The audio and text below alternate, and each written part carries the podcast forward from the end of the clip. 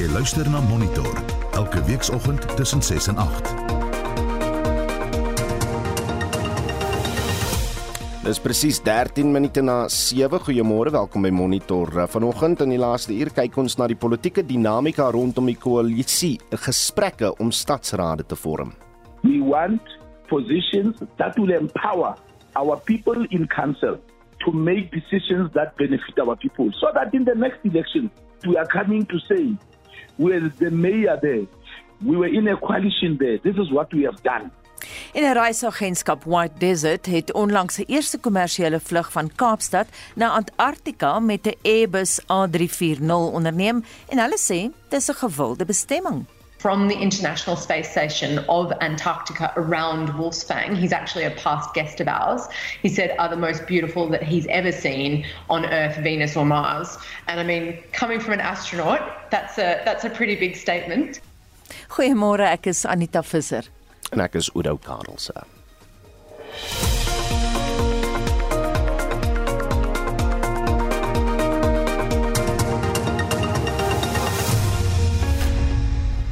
Die Patriotic Alliance het gekies om koalisies met die ANC in verskeie munisipaliteite te vorm waar nie een van die twee partye 'n volstrekte meerderheid kon kry nie.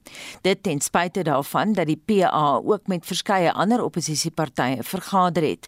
Die party wat vanjaar vir die eerste keer aan die plaaslike regeringsverkiesing deelgeneem het, het 80 raadsetels landwyd verower.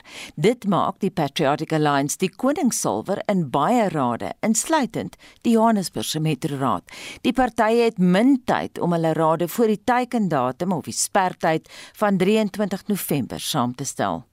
Die PA het na die verkiesing met verskeie politieke partye gesprekke oor koalisies gehad. Met slegs 1 week voordat munisipaliteite rade moet saamstel, het die PA en ANC gekies om mag te deel. Die adjunkpresident van die PA is Kenny Kuneni. the ANC gave us respect our negotiations with the ANC were very cordial very respectful very honest and the ANC understood that they are in negotiations we approach negotiations on a one rand principle if you have 98 cents it is not one rand. You need the two cents. So the person who is holding the two cents and you who is holding the 98 cents, you have the same power to get to one rand. And the ANC came with that mentality that we need to work together, find each other for the benefit of our people. Die party het skynbaar 'n goeie ooreenkoms met die ANC gesluit. Die PA het gesogte posisies in verskeie munisipaliteite verkry waar hulle nie 'n meerderheid gekry het nie. Die PA het in die Wes-Kaap 28 setels gekry.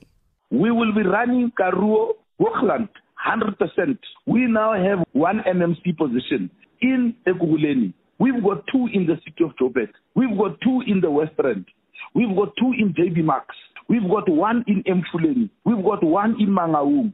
We've got one in Solplaatje. We've got a mayor in Bichu. We've got a mayor in Lanesburg. The ANC voted with us in Lanesburg as part of our agreement.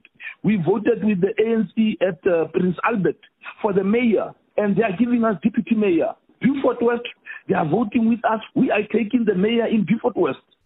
Die DA wat probeer het om die PA as vernoot te kry, het die party se benadering tot koalisieonderhandelinge gekritiseer. Die beskuldiging was dat die PA slegs in posisies belangstel en om netwerke vir sy eie ondersteuners te bou. Kunini het hierdie kritiek verwerp.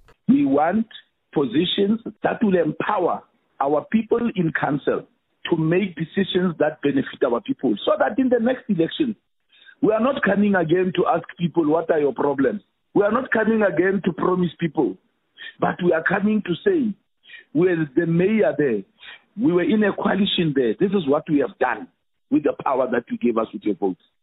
Now, give us power again, province and national, so that we can do more for you. That is our approach. Die PA se ooreenkoms met die ANC sal dit baie moeiliker vir die DA maak om vennote te kry om belangrike munisipaliteite te bestuur. Dit sluit die Johannesburg Metro in waar sterk meegeding is vir posisies en die PA se 8 setels die DA kon gehelp het om die ANC uit beheer te druk.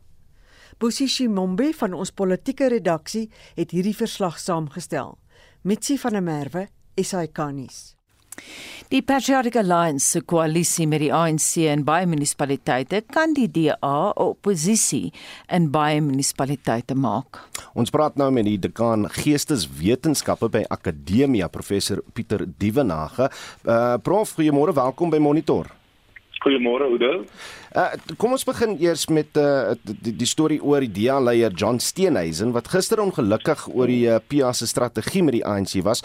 Ons luister net gou na wat hy te sê het. Uh, uh, gehad het. I note that there's a leader of another party, the PA, who announced yesterday going into government with the ANC across the length and breadth of South Africa, including in Johannesburg, which obviously makes the path a lot narrower for the opposition to be able to try and form a block there. But of course, they wanted to steer it to positions, how many Mako seats they can get. And when you read the Twitter feed and you read the news interviews today, you can see why. It's all about patronage politics. It's about dispensing jobs. It's about being able to influence who gets which tenders.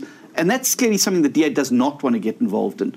We want strong, stable, solid governments that focus like a laser beam on service delivery, not on building patronage networks that inevitably end up with state capture, with capture of municipal entities, and jobs for pals, and exactly the type of morass that we've seen municipalities descending into across the length and breadth of South Africa. And it is proving quite a, a challenge to bring people together around a common set of values and principles to form those coalitions. But we've been heartened. There have been a number of talks. We've had bilateral engagements with Action SA, the Freedom Front, as well as the ACDP up there. We had a meeting yesterday of party leaders that included the Freedom Front, the IFP, the UDM, the ACDP, Action SA, and the Patriotic Alliance. But the meeting essentially ended with us agreeing to go back and have a look at what is possible in the metros and to continue the engagement ahead of trying to be able to form a key government there. Nou Pieter, ek weet maar of ken maar min van politieke laserbeams, maar wat beteken dit vir die DA? Gaan hulle terug na die oppositiebanke toe of hoe?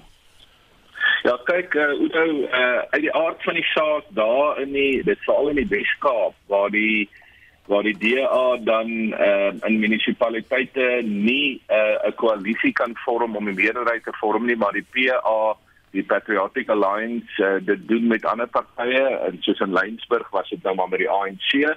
Daar gaan die DA oppositiebanke toe, nê?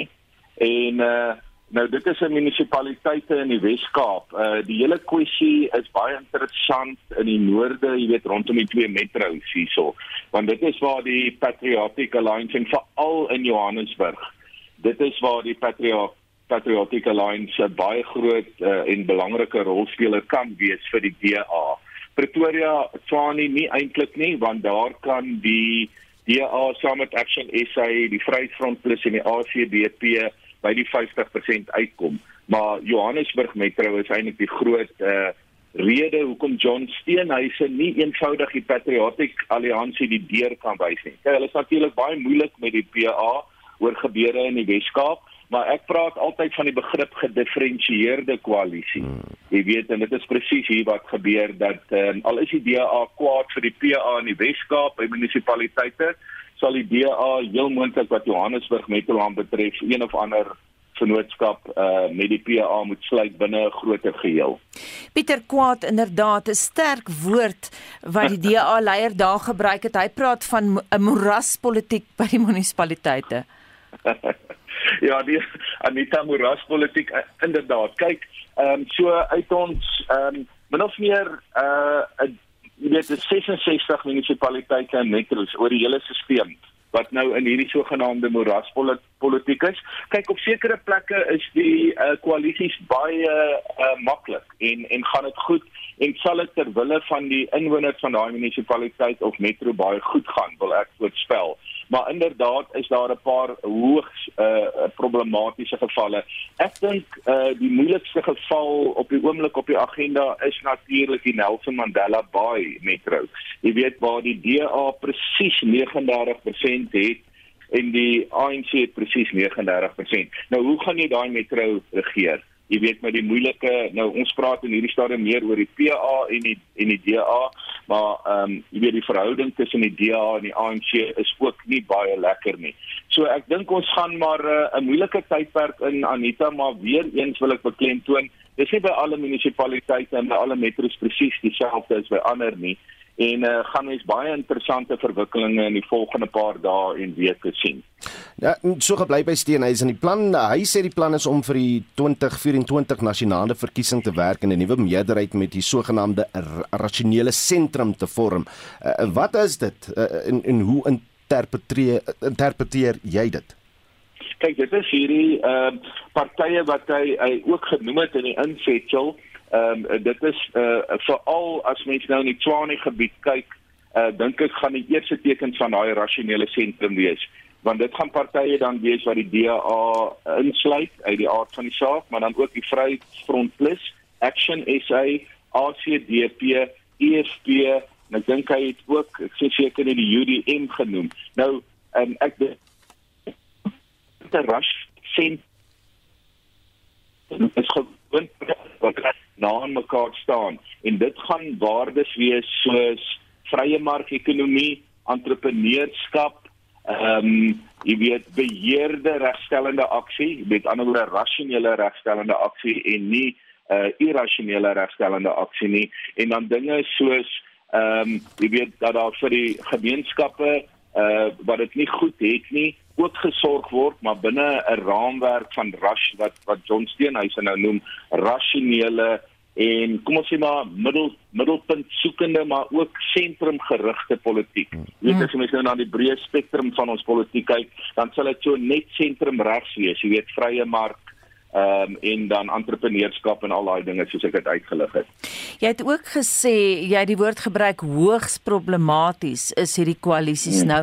Jy het spesifiek verwys Pieter na Nelson Mandela Bay. Ons het almal verwag daar hmm. gaan 'n baie moeilike stryd voorlê. Dink jy hierdie koalisies gaan lei tot 'n groter volwassenheid in ons politiek want mense sal kompromieë moet tref? Gaan dit ons verander?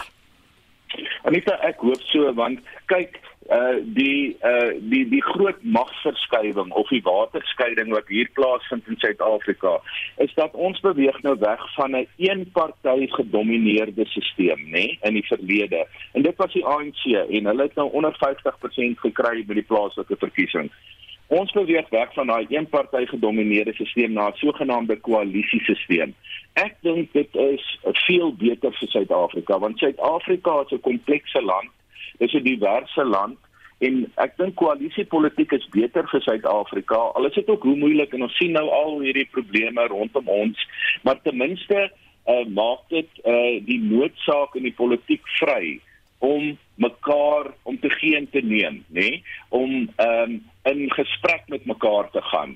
En um, ek dink dit gaan tot beter verteenwoordiging van die publiek ook lei want die kleiner partye en ons moet onthou daar's nou baie onafhanklike kandidaate en sogenaamde burgerlike samelewingspartye. Ek dink nou veral daar in Kannaland jy weet in die Wes-Kaapland. Ehm um, jy weet ek ek het net 'n vermoede hierdie koalisiepolitiek gaan politiek nader aan die mense bring. Dit gaan meer verantwoordbaarheid uh, uh na vore bring hopelik ook meer deursigtigheid. Maar uh, die belangrike punt is Anita, daar moet 'n behoorlike kontrak gesluit word. Ons het nog nie eintlik vanoggend daaroor gepraat nie.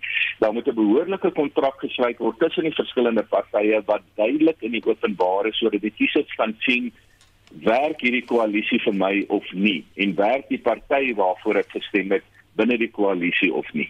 Nou ons het gister in teorie gepraat oor uh hierdie uitvoerende komitee as as 'n alternatief vir uitvoerende burgemeesters.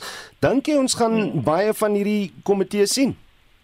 Um, ek dink uh Udo dit is vir my meer in die rigting van koalisie uh politiek dat die uitvoerende komitee 'n groter rol speel as die uitvoerende burgemeester. Jy weet ons moet wegkom van hierdie idee van 'n een magtige man of 'n een magtige vrou jy weet van sentralisme in die land of sentralisme in 'n munisipaliteit of 'n metro. Ons moet baie meer gaan in die rigting, dit is nou maar my persoonlike mening.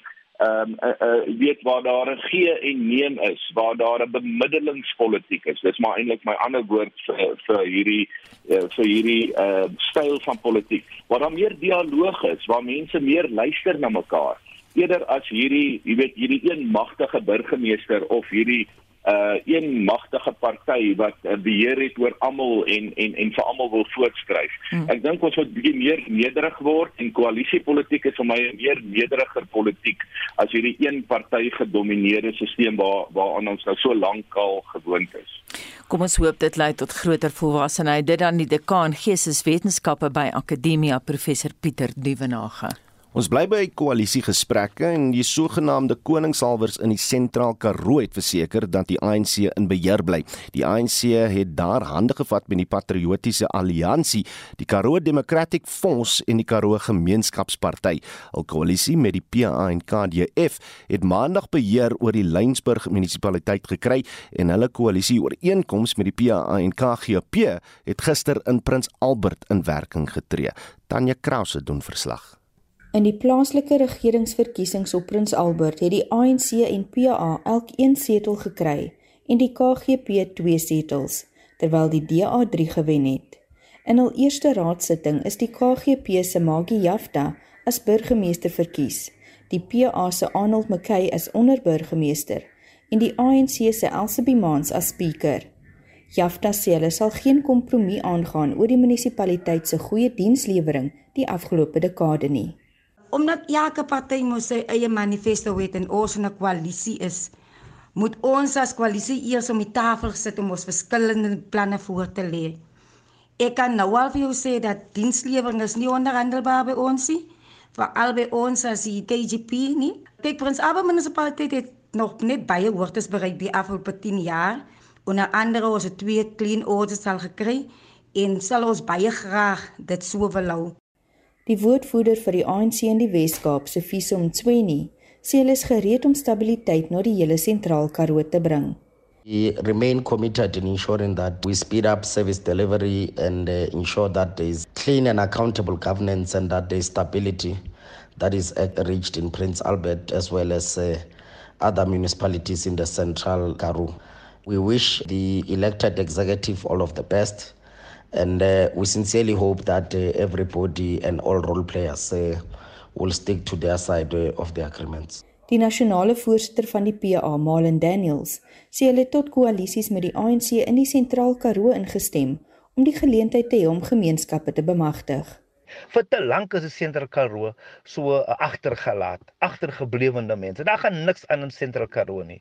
En ons het daarvoor het ons gevra vir die burgemeesterskap wat ons nou gekry het in Lingsburg onder burgemeester in Prins Albert. Die PSA met enige party en koalisie gaan so lank as wat hulle instem om ons in 'n posisie te sit soos aangevra en dit is mag want dit is net mag wat jy gaan kry om mense te bemagtig om goed te te, te maak gebeur vir ons mense.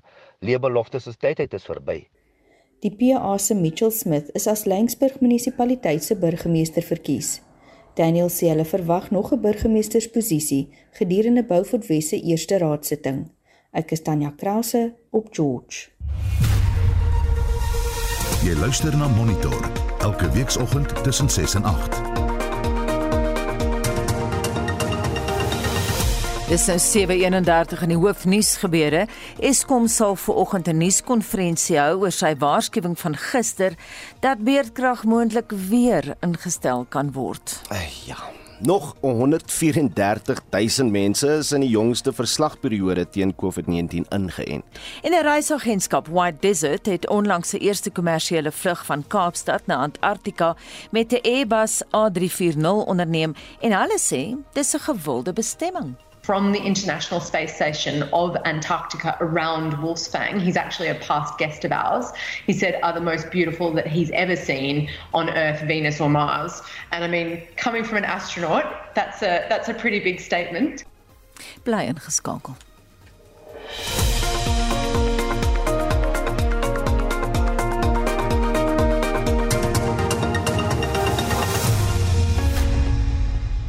Ja, maar ek sien jy kry lus om te reis as jy so lees waar in ons luisteraars wil gaan. Beslis en ons wil by jou vanoggend weet wat is 'n buitengewone vakansiebestemming waarheen jy nog altyd wou reis? En kom ons luister sommer eh, begin maar met die WhatsApp lyn. Ja, nee, in die Kaap. Meeste mense sien buitengewone bestemmings sekerlik as iewers oor see, maar ehm um, 'n plek waarheen ek graag wil gaan en ek beplan dit ook vir hierdie Desember vakansie is Orania toe. Ek wil bietjie daar na die ou Afrikaner kultuur gaan kyk en luister. net ervaar want dit is wat ek nodig het. Dit is Lisa van Ermelo. Ek sou baie graag daar in Mauritius begin kuier het. Mense hoor net altyd van daai pragtige wit strande en dit maak mense liries net om te dink. Hoe kan dit voel om die hele dag net daar rond te loop en niks te doen nie? Maar ook in ons eie land sal ek graag Kaapstad wil besoek. Is ook net so 'n droom, maar drome kan nie altyd almal waarkom nie. Ek hou van die manier wat sy en net te rus. Sy duidelik net nodig om rond te loop, rondloop en te rus, nie skorrelgoed te was en niks te doen nie. Wie is die arme tannie? Geen idee nie. Kom ons hoop iemand vat haar Mauritius. Maar mense weet, ek stem. Ek wil eintlik ook self Oranje toe gaan. Oudo, ek was al daar. Was jy? Ja, ek Okay. het 'n storie daar gaan So jy ken mense wat bietjie kan help, nie? Ja, ja, jy Okay. bel net die media skakelbeampte as jy wil gaan. As hy, ek gaan Oranje toe. Okay, Jopie sê op die uh, Facebook blad, ek sou eerder Switserland toe wou gaan. Baie mooi bergagtig en vlaktes, baie mooi fauna en flora. Los Antarktika maar vir die wetenskaplikes en die weerprofete. Ek het geen behoefte om daar in die ys rond te ploeter waar ek eerder in Switserland met hulle sterk kulturele gebruike kan saamdeel nie. Reyno skryf kommersiële vlugte na Antarktika. Dis 'n misdaad teen die omgewing man. Kan die mensdom nie net een van die kontinente uitlos nie? Ons skuld die aarde ten minste dit. Hmm. En dan Amanda Viljoen wat skryf om Noorwe toe te gaan om die aurora borealis te aanskou, veral nou, die tyd van die jaar. Intussen kyk ek maar op hul stromings op Facebook. En dan op die SMS-lyn skryf Ellen van Bosch, ek wil graag Turkye toe gaan om die oulike akteurs van Deur dik en dun te ontmoet. En dan nog 'n luisteraar wat sê my ideale vakansie is tyd in die natuur, soos besoeke aan wildreservate, die Serengeti bly slegs 'n droom. Nou ja, praat vir oulaas saam. Jy kan 'n SMS stuur na 45889. Onthou dit kos jou R1.50.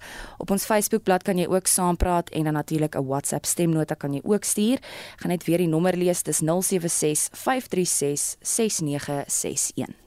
Kom ons gaan dan na die storie wat die hele gesprek gespaak het. In die uh, reisagentskap White Desert het uh, kommersiële vlugte met 'n Airbus A340 tussen Kaapstad en Antarktika ingestel. Die maatskappy neem uh, toergroepe van so 12 mense vir 'n besoek aan die ysige suidelike vasteland. Daar sal 8 vlugte uh, na Antarktika tydens die toerisme seisoen wees van einde November tot einde Januarie. Hendrik Maten het meer besonderhede.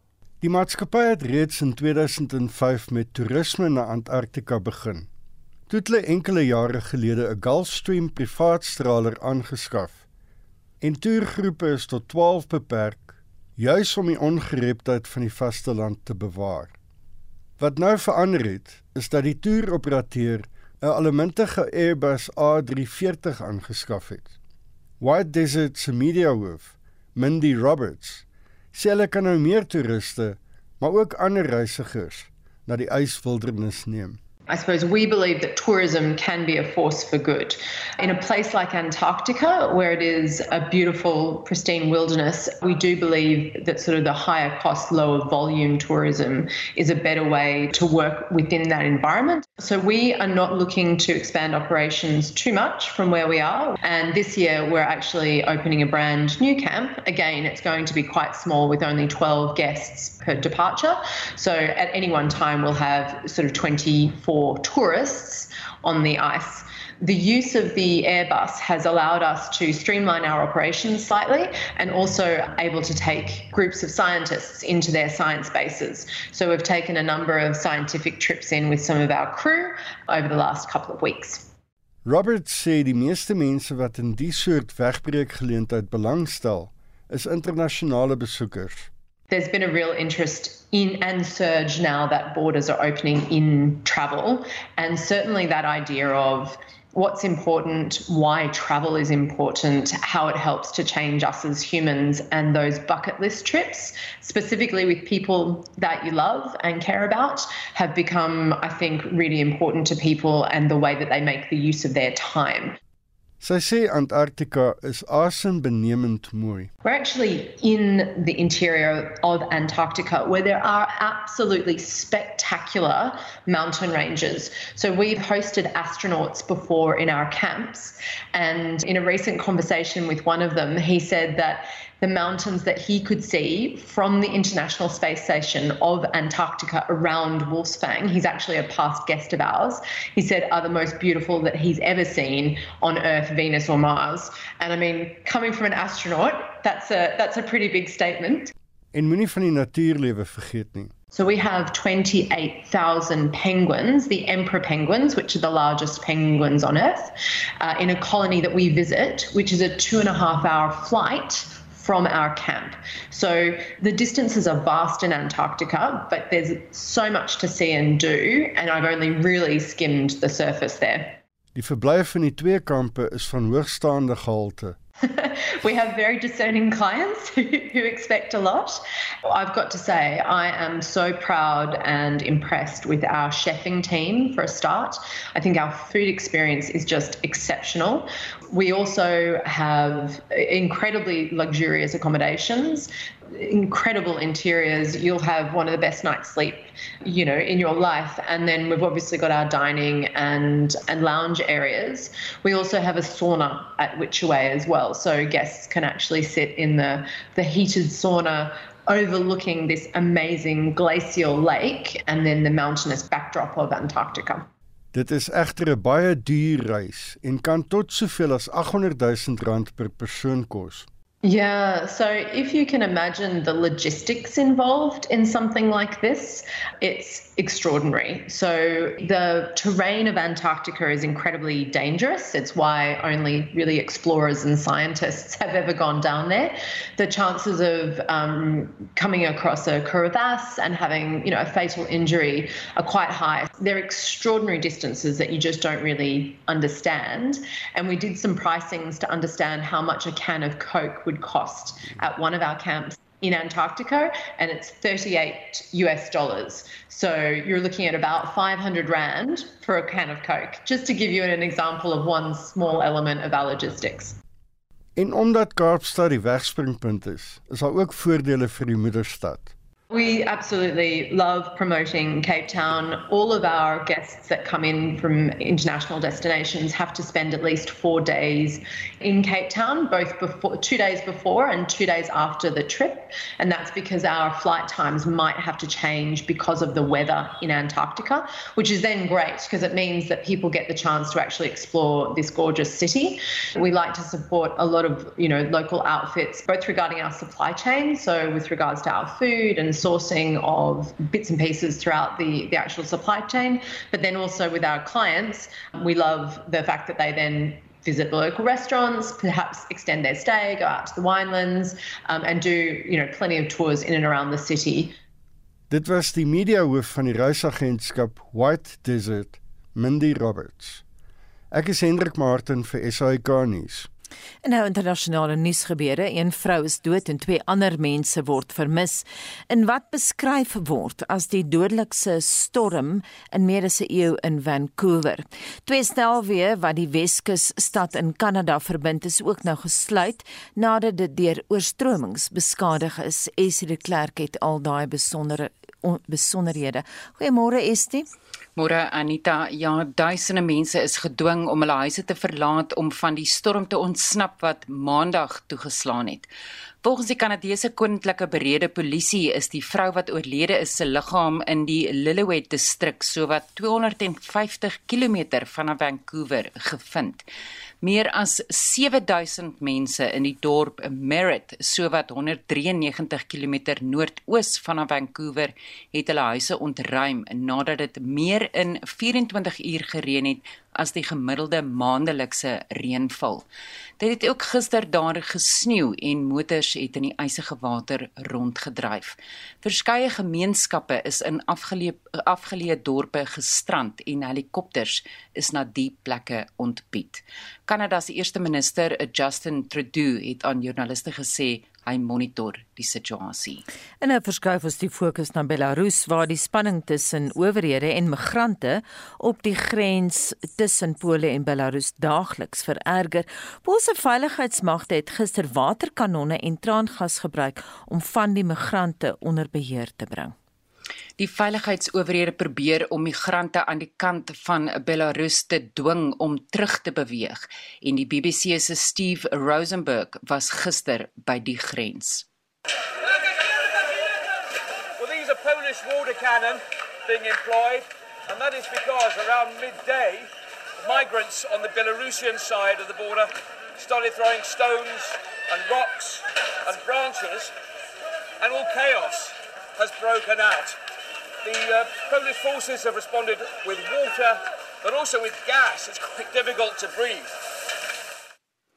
Die Poolse regering beskuldig Belarus daarvan dat hulle probeer om die migrante oor die oor die grens te dwing in 'n poging om die Europese Unie te ontwrig. Rosenberg berig die wagte aan die kant van Belarus doen niks om die migrante te probeer keer nie. Hallo is 'n akteur van Kurdistan. Sy broer het sy huis verkoop om vir hulle kaartjies en visas na Belarus te betaal. Where do you go now? I don't know. To Iraq, to Europe, to the camp, to Minsk. We don't know where we're going. We are like a ball, like a ball in the stadium. Belarus and Poland. They kick us. En dit was 'n akteur met die naam van Hallo van Kurdistan wat op die grens tussen Pole en Belarus vasgekeer is. En van Pole na 'n ander deel van Europa waar koronavirusgevalle in verskeie lande besig is om vinnig toe te neem. Oostenryk het reeds nuwe COVID-19 maatreëls ingestel vir mense wat nie ingeënt is nie en regerings elders in Europa insluitend Duitsland oorweeg om strenger maatreëls in te stel met die aanloop tot Kersfees. Noodgevalle eenhede van hospitale in München is so vol dat pasiënte met tye na lande soos Italië verwys moet word. Hier is die direkteur van die Freising Hospitaal se intensiewe sorgeenheid Dr Thomas Marx The situation was foreseeable and could have been avoided. The right measures that would have prevented this health system from being put in such a situation again were not taken. In lande soos Holland en Oostenryk debatteer politici oor of die COVID-19-enstof verpligtend gemaak moet word en of slegs mense wat ingeënt is in byvoorbeeld restaurante toegelaat kan word. Die Wêreldgesondheidsorganisasie se hoof vir noodprogramme, Mike Ryan, sê dit plaas belangrike kwessies op die tafel. This raises real issues around civil liberties. This raises real issues around uh, human rights. And it's something that governments should consider extremely carefully. En dit was die WGO se hoof vir noodprogramme Mike Ryan. En dit was Estie met 'n oorsig van vandag se wêreldnuus gebeure.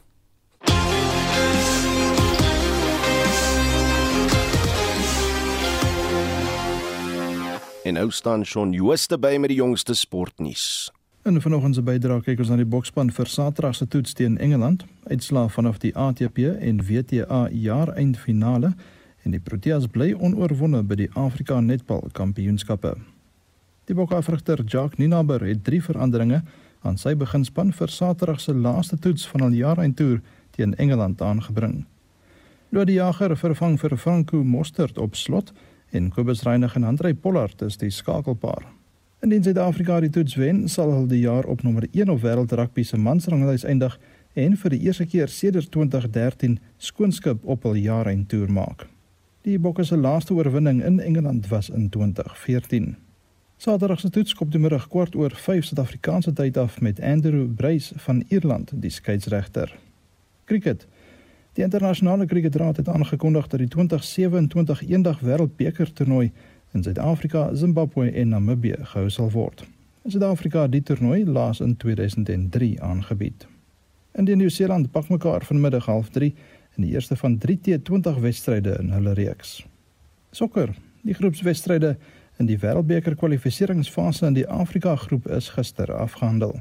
Die 10 spanne wat nou na die uitklopfase deurdring, is Algerië, Tunesië, Nigerië, Kameroen, Mali, Egipte, Ghana, Senegal, Marokko en die DRK.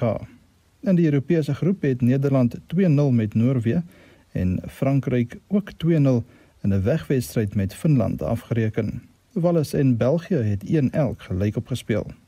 In die Suid-Amerikaanse groep het die wedstryde tussen Argentinië en Brasilië, asook Kolumbie en Paraguay geen doele opgelewer nie. Tennis. By die ATP Jaareindtoer finale in Italië die wêreldnommer 2 van Rusland Daniel Medvedev die nommer 3 van Duitsland Alexander Zverev met 6-3, 6-7 en 7-6 geklop en die Italianer Jannik Sinner het sy wedstryd in die pool Hubert Hurkacz met 6-2 en 6-2 gewen. Novak Djokovic van Servië kom vanmiddag teen die Rus Andrei Rublev en die Griek Stefanos Tsitsipas vanaand teen Casper Ruud van Noorwe te staan. By die vroue toer finale in Mexico het die Spanjaard Carmen Muguruza haar plek in die eindstryd bespreek toe sy haar landsgenoot Paula Badosa met 6-3 en 6-3 uitgeskakel het. En laastens in netbalnuus. Die Proteas hulle Afrika netbal titel suksesvol verdedig toe hulle die tuisspan Namibië in gister se laaste wedstryd met 65-39 oorrompel het. Die Proteas het ook onoorwonde gebly. Shaun Schuster, RSG Sport. Die Passasierspooragentskap van Suid-Afrika sê sy planne vorder fliks om die Mabopane treinkorridor teen die einde van die maand te heropen. Die spoorlyn is weens vandalisme vir herstelwerk gesluit. Die direkteur van die Instituut vir Vervoer en Logistieke Studies aan die Universiteit van Johannesburg, professor Jackie Walters, sê hoewel vandalisme lankreeds 'n probleem is, het dit tydens die Grendel tydperk toegeneem. Ek dink die regering het lankal besef dat Prasa kort uh, kapitaalvernuwing vir al die uh, rollende materiaal, die ry die treinstelle. En oor jare het hulle besluit hulle gaan um, die treinstelle vernuwe. Weet baie van die treinstelle was in die 80s en die 70s bedryf gewees alreeds. Dit sou baie onbetroubaar geraak. En baie moeilik om stand te hou. En baie probleme met stand te hou en onbetroubaar het die trein nie agteruit gegaan. So daar was 'n groot kapitaalvernuwingsprojek geweest waar nuwe treine gebou sal word en wat tesame ook met die opgradering van die spoorlynstelsel self, die signaleringsstelsel stasies en so aan. Maar ongelukkig het dit basies van spoor af gegaan. Daar word nou beplan om aan die einde van die maand treine terug te bring nadat gesluit is vir vandalisme van infrastruktuur. Hoe lank gaan hierdie vandalisme al aan en hoekom doen Prasa nie iets daaraan nie? Voorkomend nie. Kyk, Prasa se probleem kom al vir baie jare. As mens kyk na hulle 2019 2020 jaarverslag, is daar 'n tabel binne in hierdie jaarverslag wat baie interessant is. En dit is dat in die vroeë jare 2008, 9 en 19 het hulle so om en by 650 miljoen passasiers per jaar gegenereer wat redelik konstant was vanaf die 80 jare. En van toe af het die verval begin. Ek dink dit moet te doen gehad aanvanklik die ou rollende materiaal, die gebrek aan instandhouding, uh, spoorlijninstandhouding en die begin van vandalisme. En hierdie proses van agteruitgang het versnel. Die van 2014, 15 af tot die einde van 2019, 20 van die verslag eindig, is daar geweldige afname in geskeduleerde treine teen die treine van bedrywe. Daai gap het groter geword. Onderwys treine was nie beskikbaar gewees teen die skedule wat uitgesit het nie. En dan het die on-time bedryf van hierdie treine het geweldig geval. Ek het saam daarmee het die passasiers net so geval ook. Passasiers het besluit ek kry iets anders as dis 'n teks. Ek gaan weer na my motor toe. Maar hierdie verslag het ons natuurlik vir hierdie jaar geweldige vandalisme gehad. Die treinstelsel was basies op sy knieë en hy is basies 'n intensiewe sorg as mens dit so kan stel op uh, ventilator. Daar was niks op hierdie stadium wat werklik behoorlik funksioneer en ons kan net gaan kyk aan die lyne rondom die hoof metro areas Kaapstad, Johannesburg, Pretoria en Tshwane. Hierdie oos-weslyn Randfontein Springs te verwys. Dis so gevandaliseer as men niks van die lyn oor. Hulle kan nie eens bedryf nie. So die signaal selfs is weg. Die kragboks op die stasie is weg. Die oorste kabels is weg vir die lokomotiewe met aandryfing van krag voorsien. Nou die regering het plan op die tafel gesit 'n omdraai strategie vir plase om te kyk na die spesifieke lyne, na twee wat hulle werklik met die kort termyn fokus. Dit is die sentrale lyn in Kaapstad en dan ook die Mabopane lyn. Nou die sentrale lyn in Kaapstad, die werkingstelling waarvan wat hulle genoem het en dit is spesifiek uit die proteïene komitee van in September wat hulle gespreek het, praat het gespreek het. Dis onmiddellik gaan die verwydering van die mense wat langs die trein spoorlyne bly, daai squatters wat kom bly reg langs hulle. En dan tweedens moet hulle nog iemand aanstel om die hele spoorlyn te rehabiliteer. En dan eers kan hulle begin dink in 'n behoorlike diens wat kan miskien nie spitstye elke kwartier 'n trein kry en die afspitstye miskien elke halfuur of elke uur. Ons is baie ver van daar. Maar by Pone is dieself die omvang van die vandalisme is so groot dat hulle so ver agter is. Dit hulle baie jare gevat om hierdie stelsels weer te kry waar hulle was in 2009, 2010 en vroeër jare. Uh, Daar's skattings dat kan oor 100 miljard rand kos om hierdie stelsels weer te kry waar hy was. En dis 'n omvangryke projek. As mens dink landwyd het ons die probleem ervaar. As daar 'n probleem van vandalisme is, hanteer hulle die probleem van vandalisme. Want die vandalisme was daar gewees en mense net nog steeds maar dit het veral geld gewend toe hulle 'n sekuriteitskontrak in 2019 gekanselleer het. Daar was daar blyklik 'n ongeruimd met hierdie kontrak. Dit het net so meer gekanselleer en niks in sy plek gesit nie. En toe kom ons met die COVID-19 lockdowns. So alles was blootgestel gewees en daar geen sekuriteit gewees nie. So die groot vandalisme het verlede jaar plaasgevind en nog steeds in hierdie jaar sal seker van die plekke wat gestroop word. En dit weer om dit te keer weer korttermynmaatreëls in te stel en dit aan te stel, maar dit so omvangryk gewees hierdie dat die hele stelsel basies oorgebou. Hierdie stasie is vernietig. Ek gaan sien die heininge rondom die geboue en dit moet net veilig te maak. Nie? Die oorlose hoëwaan toerusting is alles weg. Die signaleringsstelsels is weg. As alles weg. So hulle moet die hele ding moet van voor af begin. So die fokus is op die twee hoofryde met die agt ander korridors wat hulle ook wil fokus op die kort termyn. Maar dit gaan baie jare vat vir hierdie stelsel weer gaan funksioneer. Want mense kan afhanklik wees en wil afhanklik wees van spoorstelsel. Ja, hulle het nou voorsiening gemaak vir sekuriteit om teen 900 miljoen rand ekstra gekry vir sekuriteit. Maar dit is genoeg vir die hele stelsel. As jy so wat net op die lyne wees waarop ons nou konsentreer. Die ander lyne sal wees later. Ah, dan gaan daai lyne begin gee. En van die lyne sal diesel lokomotiewe, of elektriese lokomotiewe en so stelsel baie stadig is. Want diesel lokomotiewe is baie stadiger as elektriese lokomotiewe. Was daar korrupsie betrokke? Ja, ek dink dit is algemeen bekend dat daar geweldige korrupsie was in Prasa. Ek dink Tuli Marantella het ook dan verwys na verslag.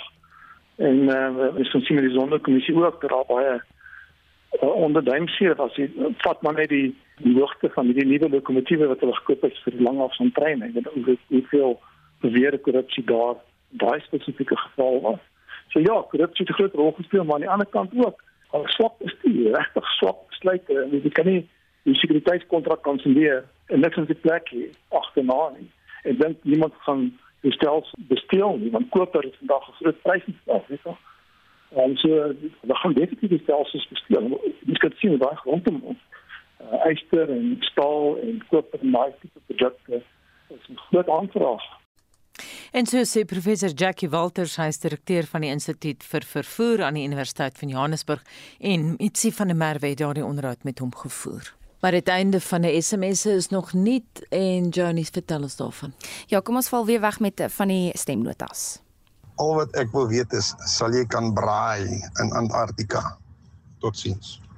Môre RSG daar in my geliefde land. Ek is op die oomblik hier by my suster in Adelaide in Australië. En raai gou wat, ek het nooit geweet die platteland hierso op hierdie vasteland is so pragtig. As ons dink die Krugerwoudtuin is mooi. Kom kyk hoe gaan die kangaroos hier aan. Dis asemrowend. En dan sluit ek af met die terugvoer van Koos. Hy sê elke vakansie is 'n buitengewone ervaring, goedkoop of duur. Ons ry een keer per jaar PE toe met 'n groot met groot ompaaie en ontdek ons eie land. Elke keer iets nuuts, iets buitengewoon. Baie dankie vir die saampraat vanoggend en môreoggend maak ons weer so. Wel, dankie dat jy gele geluister het. Uh, het ons dagboek vanoggend. Ons het ons het ja. Vanoggend, ja. Estie gaan ons beerdkrag hê of nie? Ons vind uit Eskom se bestuur hou vanoggend 'n media konferensie die minister van omgewingsake gee terugvoer oor die COP26 klimaatsberaad wat onlangs gehou is en ons praat vandag met die veearts spesialis wat die operasie op Max die Arab papegaai uitgevoer het om vir hom 'n splinternuwe titanium feedback te gee. Es die baie dankie. Dit was monitor met ons uitvoerende regisseur Nicoline de Wee, ons produksieregisseur uh waar is hy nou? Hendrik Maten, redakteur Hendrik Maten, uh, Hendrik Maten en ons produksieregisseur Johan Pieterse. Ek is Oudo Karelse. My naam is Anita Visser. SAK nuus. Onafhanklik, onpartydig.